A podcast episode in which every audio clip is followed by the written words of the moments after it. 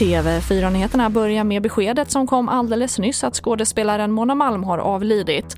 Hon var bland annat med i Ingmar Bergmans film Fanny och Alexander och många känner säkert igen henne från Solsidan och gynekologen i Askim.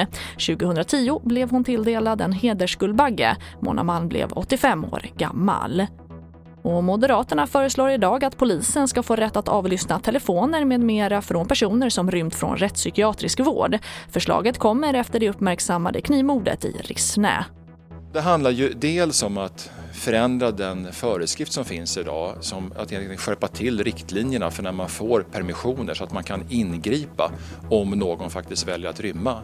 Sen handlar det också om att ge polis och åklagare möjlighet att använda hemliga tvångsmedel, till exempel telefonavlyssning, för att få tag på en sådan person. Och det sa Johan Forsell, rättspolitisk talesperson för Moderaterna. Och flygbolaget Norwegian vill lägga ner sina långdistansflygningar, det rapporterar VG. Bolaget la i morse fram en uppdaterad plan för rekonstruktion och där framgår det att man istället vill lägga sitt huvudfokus på flygresor inom Norden och Europa. TV4-nyheterna, jag heter Charlotte Hemgren.